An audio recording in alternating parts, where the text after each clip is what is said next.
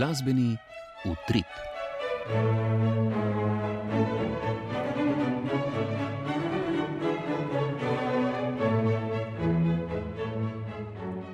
Spoštovane, spoštovani, pozdravljeni v glasbenem utripu.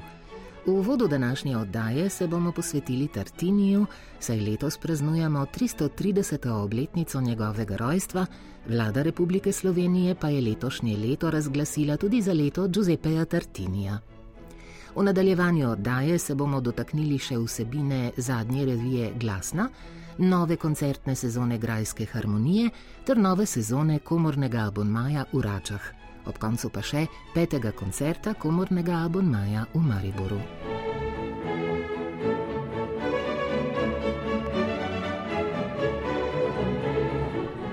Letos mineva 330 let, kar je luč sveta v Piranu ogledal Giuseppe Tartini, eden najpomembnejših violinistov in skladateljev prve polovice 18. stoletja. Njegov skladateljski opus je obsežen in šteje več kot 300 violinskih koncertov in sonat za različne zasedbe, pomembni so tudi njegovi prispevki k razvoju violinske igre po Arkanželu v Koreliju in glasbeno-teoretični razmisleki. Prav zato je vlada Republike Slovenije letošnje leto razglasila tudi za leto Giuseppeja Tartinija. Več v prispevku Mihaela Kozjeka.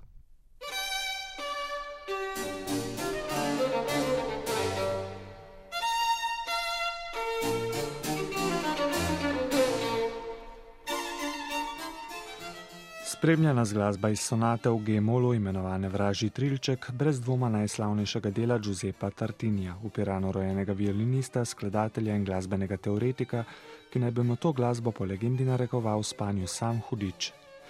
Tartini je bil z mnogimi koncerti, projektom Tartini 250, mednarodnim muzikološkim simpozijem in še čem počaščen že pred dvema letoma ob 250-letnici njegove smrti. Tudi letošnje leto pa je ob izteku minulega za Tartinjevo leto razglasila slovenska vlada. Rodil se je in odraščal je v Piranu. 8. aprila 1692 je bil krščan v Piranski cerkvi svetega Jurija in ta datum velja tudi za njegov rojstni dan. Njegov oče je bil florentinski trgovec, ki se je preselil v Piran in se poročil s Katerino Zangrando, potomko stare plemiške družine. Po mladostnem odraščanju in izobraževanju v krajih na današnji slovenski obali je Tartini na to večino življenja prebil drugot, denimo v Asiziju, Ankoni, Pragi in še zlasti v Padovi, kjer je vrsto let služboval kot vodja glasbenih kapel v cerkvi svetega Antona in tamkajšnji stolni cerkvi Marije v nebovzete.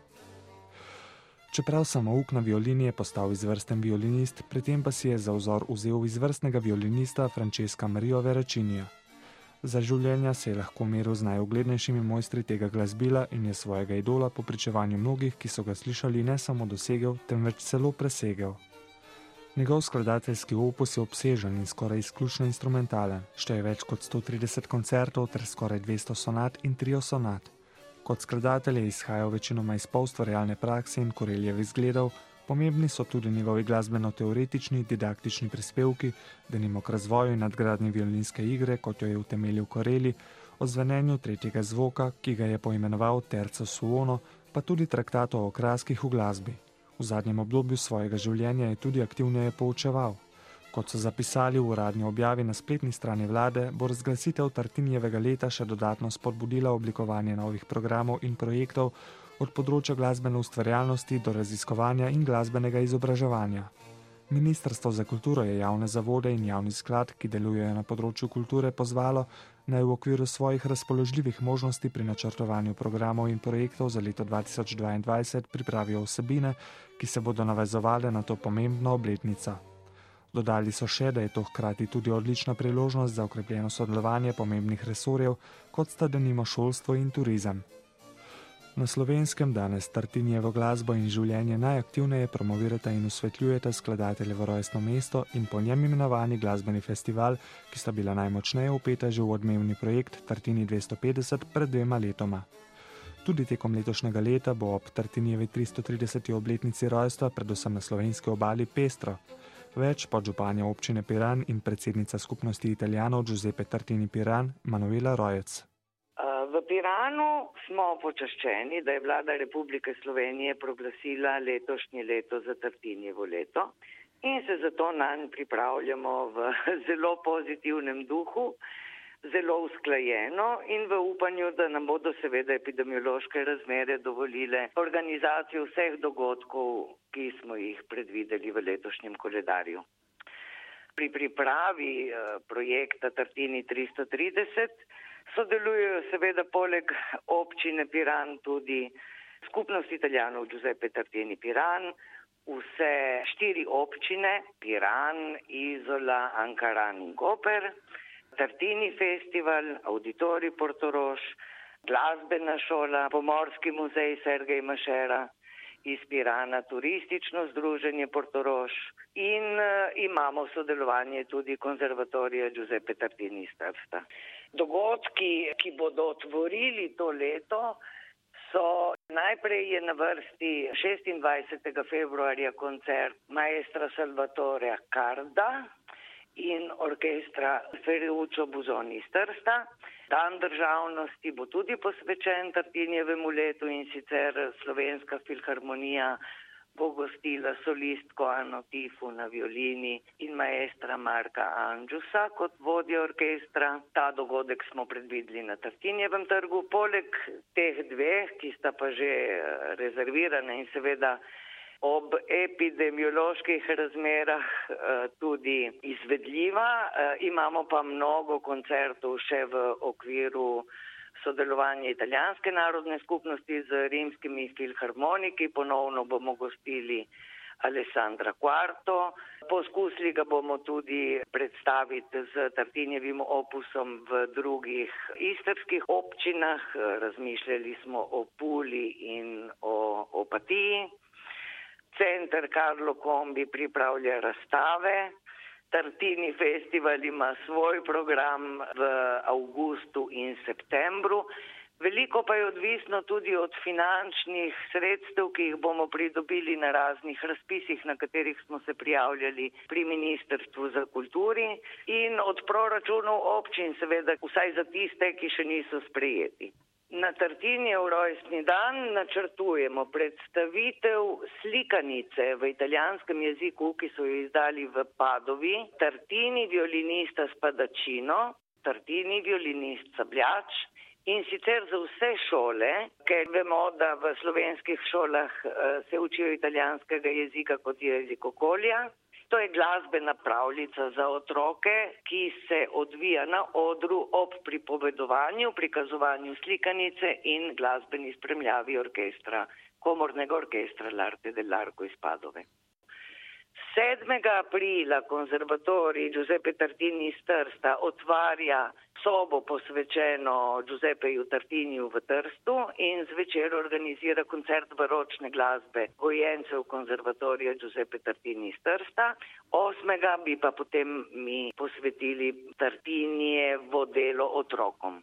Dogovarjamo se tudi z muzejem. Seveda vsak od nas ima vsebine, ravno kar smo se usklajevali tudi po mailih, da bi se naslednji petek dobili in dorekli dokončno vse dogodke in jih tudi seveda zaprli, tako da bi konec tega meseca izdali knjižico, tako kot smo to naredili ob 250. obletnici smrti, v kateri bi predstavili vse program za celo leto.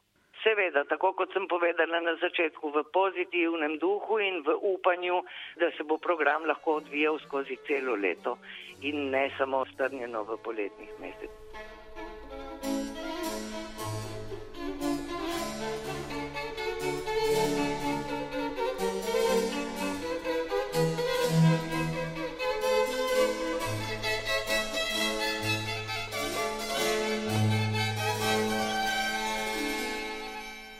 Seveda bo prav tako v znamenju Tartinjeve glasbe letošnji poletni festival Tartini. Vodstvo festivala tudi letos skrbno oblikuje program z mislijo na skladateljevo okroglo obletnico rojstva, na kratko o podarkih letošnjega programa pa umetniška vodja festivala Jasna Nadles. Tartini festival tudi ob jubilejnem letu pripravlja vrhunski festival. Načrtujemo deset koncertov s priznanimi glasbeniki iz Slovenije in tujine. Poslušali bomo nekaj novih imen in nekaj imen, ki jih že poznamo. Podroben program bo znan v kratkem. Tradicionalno pa bodo nastopili solisti Veneti in ansambl Il Terzo Suono. Vse poslušalce vljudno vabimo, da si ogledajo našo spletno stran www.tartinifestival.org in obiščejo naš festival v letošnjem poletju. Naj omenimo še, da čeprav Tartini svojega rojstnega kraja in današnjega slovenskega ozemlja po odhodu najbrž ni več obiskal, njegova rojstna hiša še stoji je ena od najstarejših stavb po osrednjem Piranskem trgu, ki se imenuje po svojem slavnem sinu.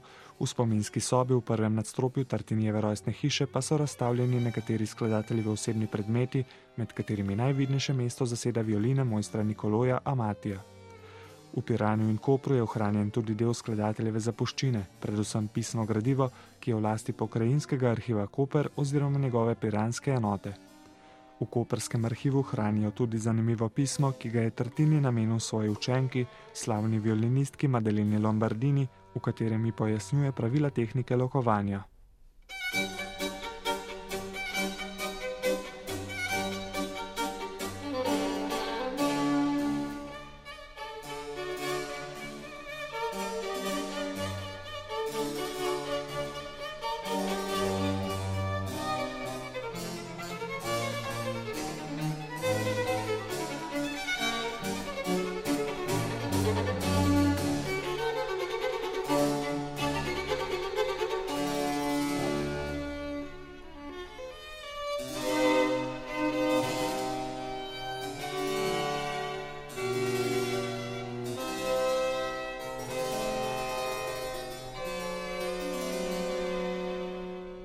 Ostajamo na primorskem.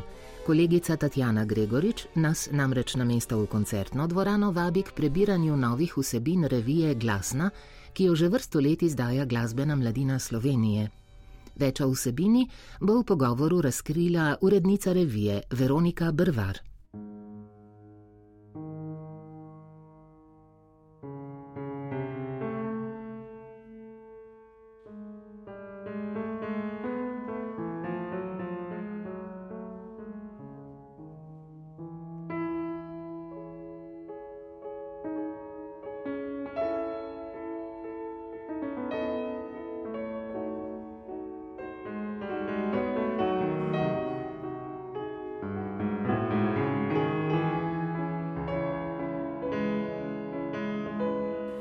Najnovejša številka revije Glasna povezuje dve leti, minulo in prihajajoče, in tako kot vedno odseva odmev vseh koncertov v živo, kot tudi razmišljanja in pogovore z izjemnimi glasbeniki in mladimi talenti, med katerimi je veliko tudi primorskih.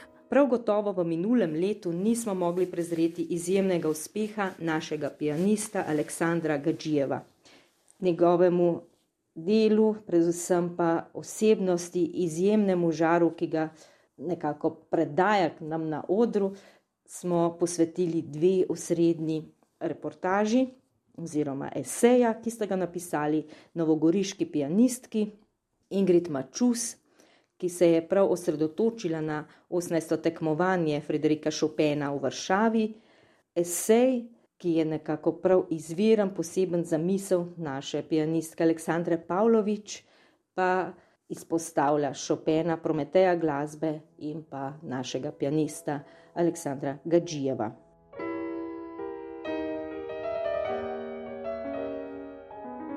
Eden daljših pogovorov je v reviji namenjen svetovalcu za glasbo na RTV Slovenija, Patriku Greplu. Tudi on izhaja iz izkušenj na primorskem, kjer je posebej povdarjal, da mora biti Slovenija samo oskrbna tudi na kulturnem področju. Namreč prav ob času eh, COVID-a se je pokazalo, kako veliko glasbenikov imamo in kako je to nujno potrebno, kadar ne moremo odpreti meje, kadar ti glasbeniki iz tujine, ki so jih predvsem organizatorji velikih odmevnih dogodkov veliko vabili kako v tem času, ne bomo rekli, rešujejo, ampak kako bogatijo, žlahnijo našo glasbeno podobo. Torej, kakšna bo nova glasbena podoba RTV Slovenije, oziroma kaj bi morali storiti, da bi več naše slovenske kulture zazvenelo tudi z radijskih in televizijskih programov, o tem smo se pogovarjali s Patrikom Greblom. Mlad talent, dirigent, skladatelj, ki je imel tudi izjemen koncert, edinstven koncert na Sveti Gori nad Novo Gorico in to s partizanskim pevskim zborom, je v fokusu mladih talentov, to je isto kot sin. Pogovor z mladim skladateljem Matejem Boninom pa izpostavlja uspehe naših ustvarjalcev na tujem. Odmevi posegajo na različna področja. Tako imamo festival stare glasbe, Flores muzike, goriškega območja in pa tudi še vedno Beneški bienale, ki je seveda izpostava najboljšega, največjega in posebnega, kar se dogaja na področju sodobne glasbe. Posebnost je prav gotovo ta, da zdaj že drugo leto postavlja programska vodja v spredje vokalno glasbo.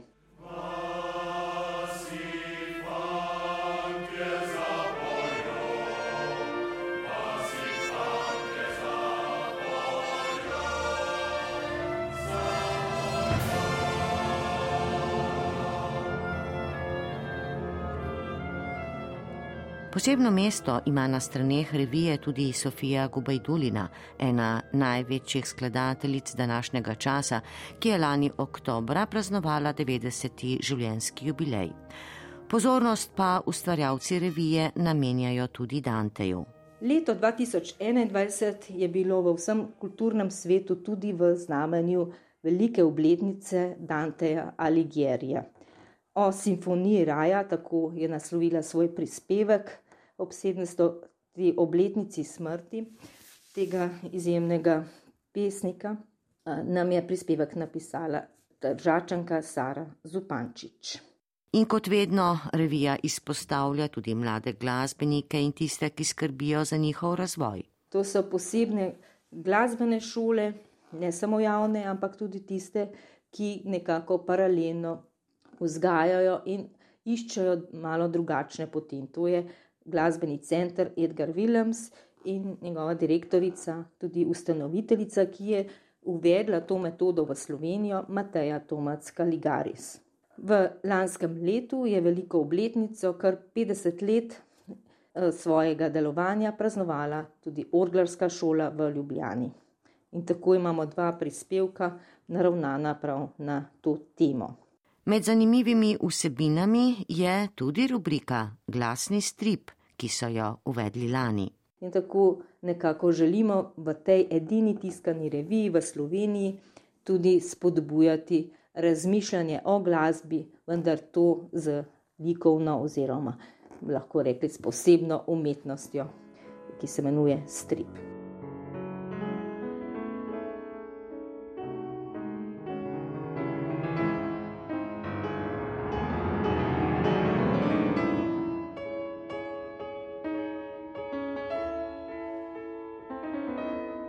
Urednica revije Glasna Veronika Brvar svojo predstavitev vsebine nove številke zaokroža. Želim vam lepo leto in pa predvsem, da ostanete tudi še naprej zvesti glasbi, tako na radijskih valovih, kot seveda predvsem tisti v živo.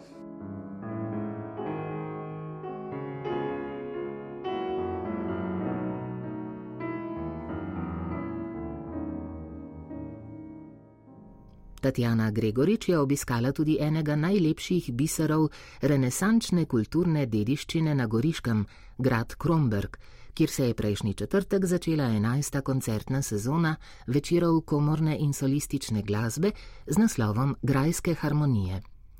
Organizator Kulturni dom Nova Gorica je na uvodnem koncertu gostil tri odlične glasbenike: violinista Žigo Faganela, violončelistko Aljo Mandič Faganel in primorsko pianistko Meto Fajdiga.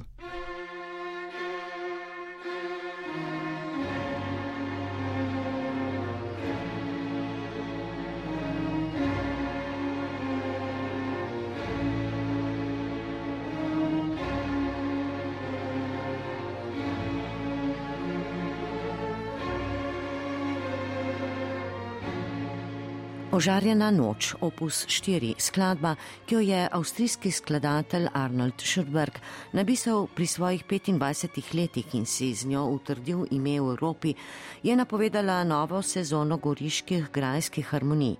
napovedala večer, na katerem je krstni nastop doživela zasedba treh izjemnih glasbenikov, ki se očitno podajajo na drzno pot izvajanja zahtevnejše literature.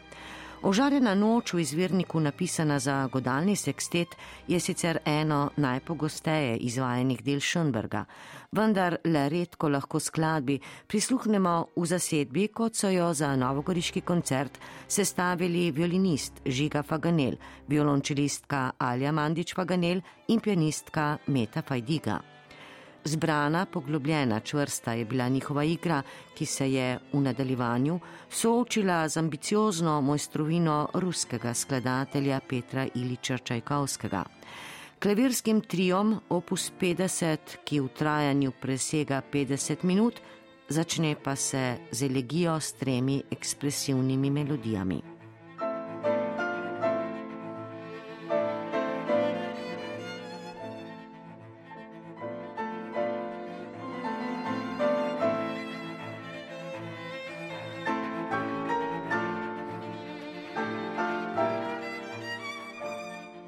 Klavirski del skladbe je koncertno zastavljen. Suvereno ga je občinstvu v Novi Gorici predstavljala Meta Fajdiga, ki je po premjernem nastopu zasedbe tako strnila svoje vtise.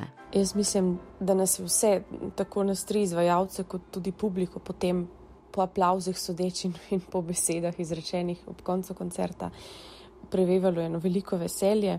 Veselje ob tem, da lahko glasbo delimo in, in uživamo vse njene darove, na vkljub tem časom, ki jih ta trenutek živimo. In, in seveda ne samo to, ampak tudi prijetna občutja ob biti gost na tem krasnem gradu Kromberg in ob tem lepem sodelovanju s kulturnim domom Nova Gorica.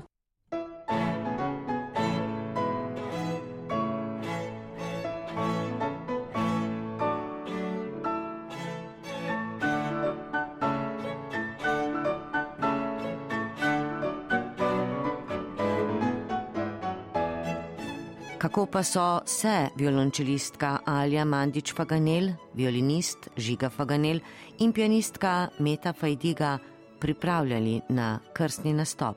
Seveda po precej obsežnih pripravah eh, na tak repertoar, ki so zajemale mm, ogromno dela, ki ga je upravil najprej vsak sam in potem nekaj precej velikih in dolgih vaj, ki smo jih opravili skupaj in druženja, kjer se marsikatera ideja izmenja, o kateri se pogovarjamo, delimo mnenja. Potem pa seveda morda en del, ki vsem nam pomaga še nadgraditi in izpopolniti, izpolniti to lastno vizijo in pogled je to, preden stopimo na odr za igrati pred prijatelji, drugimi glasbeniki, ki jim zaupamo in taki izkušnji stopiti pred nekoga in deliti svojo glasbo z njim. Izvedbi monumentalnega dela Čajkovskega in ožarjene noči Šönberga sta navdušili občinstvo, ki je do zadnjega razpoložljivega sedeža zapolnilo dvorano Krombrškega gradu. Prizorišča grajskih harmonij, ki bo prihodnji mesec na drugem koncertu cikla gostilo godalni kvartet Vermilion.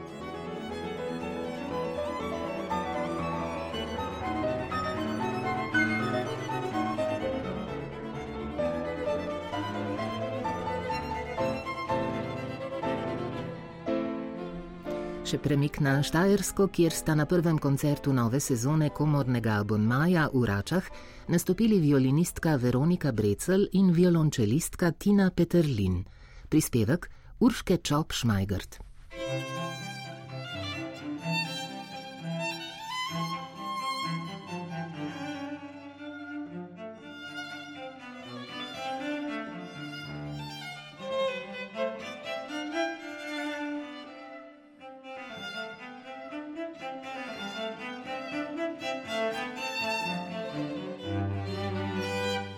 Z duom za violino in violončelo številka ena v C-duru Ludvika van Beethovna se je v nedeljo 9. januarja v Beli dvorani gradu Račah začel tradicionalni novoletni koncert v organizaciji Kulturno-umetniškega društva Rače. Za začetek 21-letnice prirejanja koncertov in obenem 11. sezone komornega abonmaja sta na koncertu nastopili violinistka Veronika Brecel in violončelistka Vita Petelin. Sicer pa bodo v abonmaju, ki ga umetniško vodi skladatelj Vito Žuraj, do julija nastopili še. Sopranistka Sabina Cilak in pianistka Adriana Magdovski, trio Tempestozo, flautistka Neja Skrbiš in pianistka Živa Skrbiš in kitaristka Klara Tomljanovič.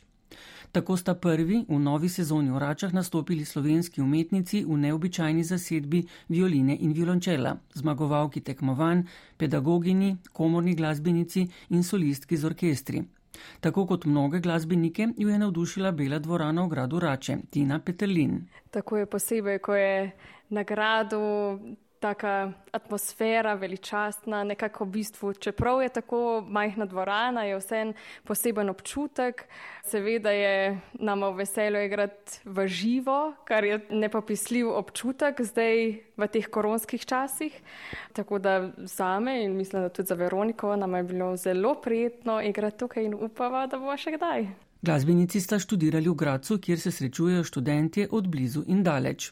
Obe smo bili študentki v Gracu, tam smo se spoznali, igrali v različnih zasedbah tudi, potem nam je to prineslo skupaj.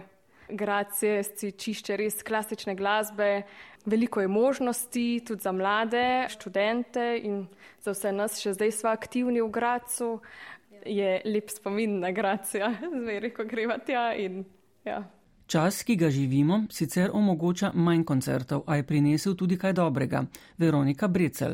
Ta čas smo imeli časa na pretek, tudi za razmišljati, imeti nove ideje in tako smo začeli tudi v bistvu sodelovati skupaj in smo začeli raziskovati ta program za zasedbo violina in violončelo, ki nam v bistvu ni tako zelo poznan. In to nam je bilo v, v bistvu v veliko navdušenje nove stvari raziskovati, posebno v takem času, ko si imel malo več časa.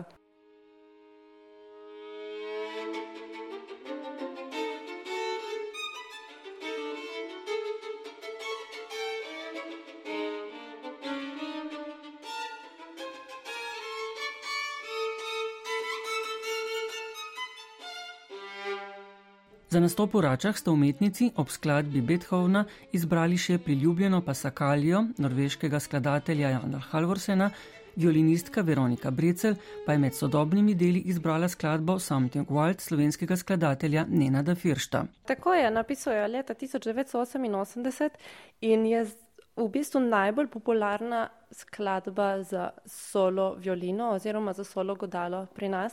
Eh, tako da je veliko krat izvajanja tudi na tekmovanjih, vroče krmen karakter ima. Tako da se mi je zdel taki primeren prehod v to obdobje, kamor smo potem zapeljale se z skladbo Peterisa Vasksa, Castillo Anterior.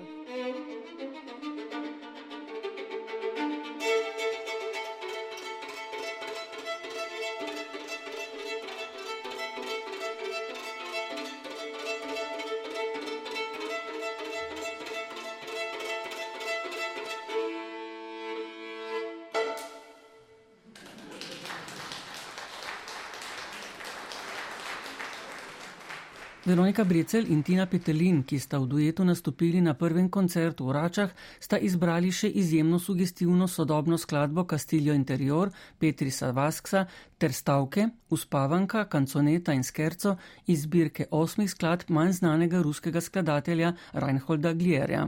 Reinhold Glier je bil v bistvu pianist, je pa napisal no teh osem skladb za zasedbo violina, violončelo in uh, mislim, da je zelo dobro izpostavil te tonske razlike med violino in violončelom. No.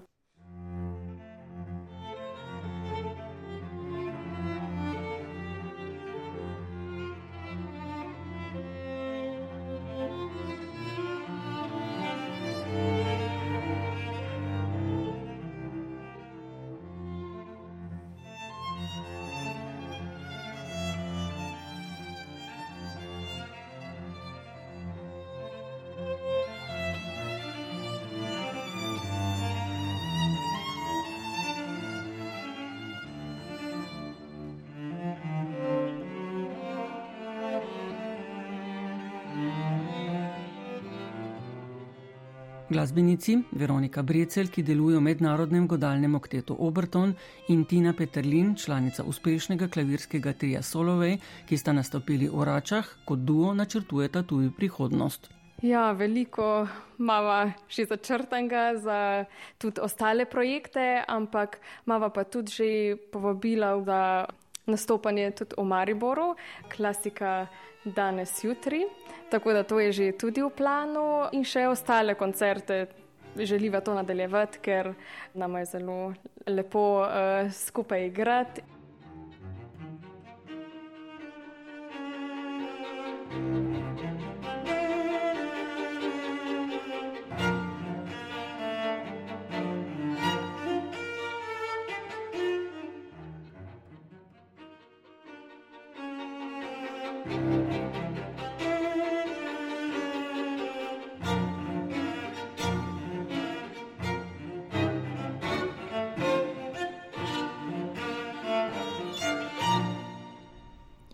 Torek 11. januarja je bil v dvorani Union v Mariboru peti koncert komornega abonmaja koncertne poslovalnice Narodnega doma Maribor. Izvedel ga je ansambl za baročno glasbo Bach Consort z Dunaja.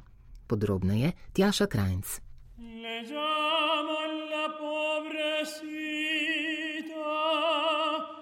Porque esta samba nació Ansambl za baročno glasbo Bach Consort z Dunaja, ki so ga ustanovili leta 1999, vse od začetka umetniško vodi multiinstrumentalist Ruben Dobrovski, na Dunaju živeči dirigent italijanskih in polskih korenin iz Buenos Airesa. Njegov simfonični repertoar obsega dela od 18. do 21. stoletja, izvaja tudi baročne in klasicistične opere, intenzivno pa se predaja raziskovanju glasbene preteklosti, predvsem srednjeameriške in južnoameriške glasbe ter skupnih korenin z evropsko baročno glasbo od 16. do 18. stoletja. Z Dunajskim baročnim ansamblom Bach Consort izvaja pestre sporede, v katere občasno vključuje tudi plesalce in literarne nastope. Ruben Dobrovski. The Bach Consort was born with the aim of playing music by Johann Sebastian Bach. Skupino Bach Consort smo ustanovili z namenom izvajati Bachovo glasbo, njegovo sakralno glasbo in koncerte, prav tako tudi kantate in opere Georga Friedricha Hendla. To ostaje naš osrednji repertoar, ki ga izvajamo na južnoameriški način. Za nas je pomembno poznati in igrati ljudsko glasbo z baročnimi vplivi, Tako lahko bolje razumemo Bahovo in Vivaldijevo glasbo. Ansambl Bach Consort izvaja tudi glasbo, ki je nastala pred Monteverdijem, pa tudi Mozartove opere. Naša posebnost pa je izvajanje južnoameriške ljudske in sakralne glasbe iz obdobja zgodnega baroka, ki nas seznanja z razvojem te glasbe. Traditional music from South America with baroque roots, because then we would understand differently what happens in Vivaldi Ko potujejo ljudje, z njimi potuje tudi glasba. To velja za vso zgodovino kulture in tudi za naš koncertni spored baročne in ljudske glasbe Južne Amerike. Glasba 16. stoletja se je pri nas ustno prenašala na različne načine. Ljudje so si zapomnili melodije in jih prenesli na naslednike. Včasih gre za melodijo brez besedila, ki so ga pozabili, nekdo pa je napisal novo besedilo. Lahko je napisal novo melodijo na starinski način, tako ne vemo, ali je melodija izvirna ali pa je nastala v sodobnem času. Prirejanje melodij in preoblikovanje skladb je včasih vključevalo tudi prepletanje starih napevov z vplivi in glasbenimi elementi iz različnih krajev in v različnih obdobjih. Ta proces še vedno traja. Tudi na koncertu v Mariboru smo izvedli nekaj skladb, ki jih je priredil pevec, kitarist in skladatelj Raul Karnota. Ta je odličen poznavalec naše ljudske glasbe. Svojo domišljijo pa jih je posodobil in jim dodal tudi elemente baročne glasbe. Tako lahko rečem, da igramo baročno glasbo, ki živi danes. Kind of a living baroque, what we play.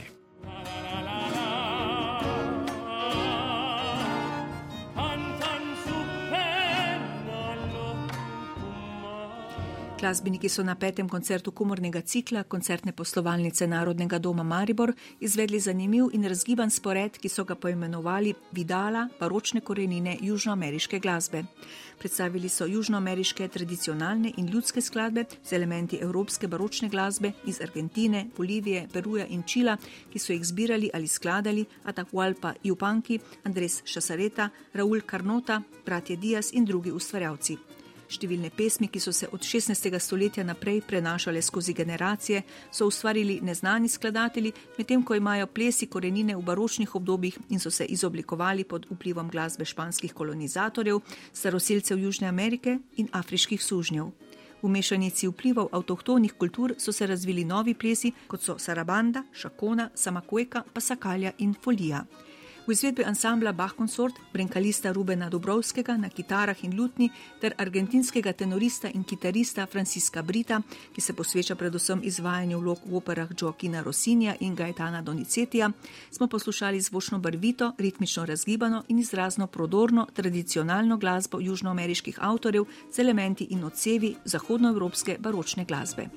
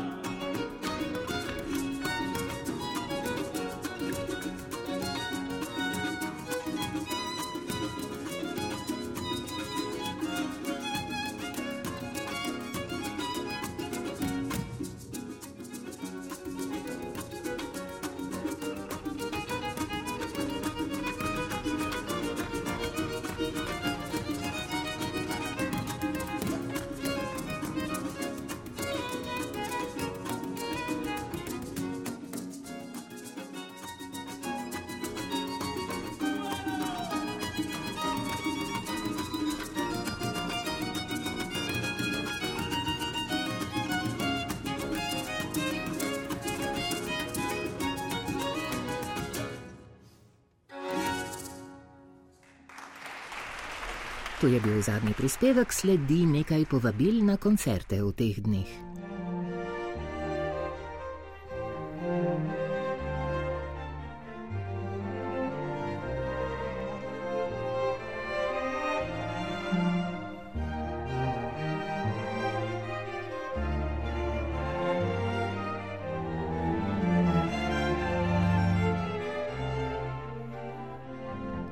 Četrtek bo ob 19.30 koncert Mladi mladim, ki ga pripravlja glasbena mladina Ljubljanska. Tokrat se bosta v Kosovelovi dvorani Cankarjevega doma predstavila harmonikar Andraš Malgaj in violinistka Viviana Rogina.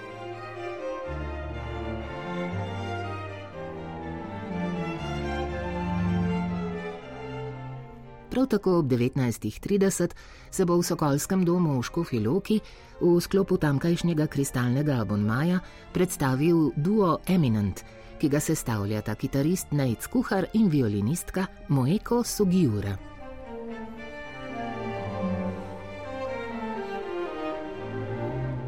Kaj se bo dogajalo v četrtek?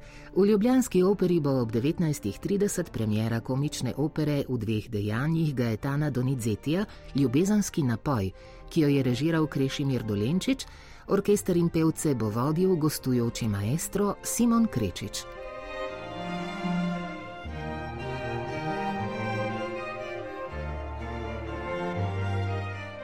V veliki dvorani SNG Maribor se bosta na prvem koncertu simfoničnega cikla kot solistki predstavili violinistka Lana Trotovšek in sopranistka Andreja Zakonšek Krt.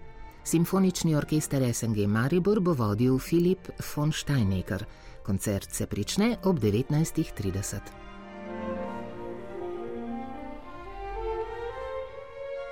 V petek 21. januarja se bo začel tudi sedmi filharmonični festival baročne glasbe, imenovan Le Nation.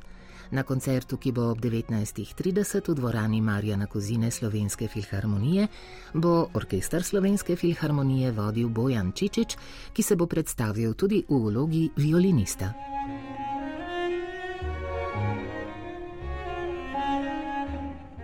Slovenska filharmonija vabi tudi na koncert, ki je namenjen najmlajšim poslušalcem.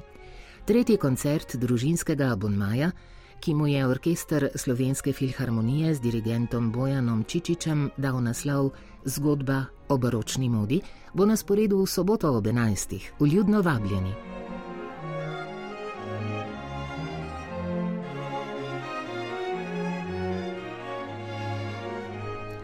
Tako, dragi poslušalke in poslušalci, to je bilo vse za danes.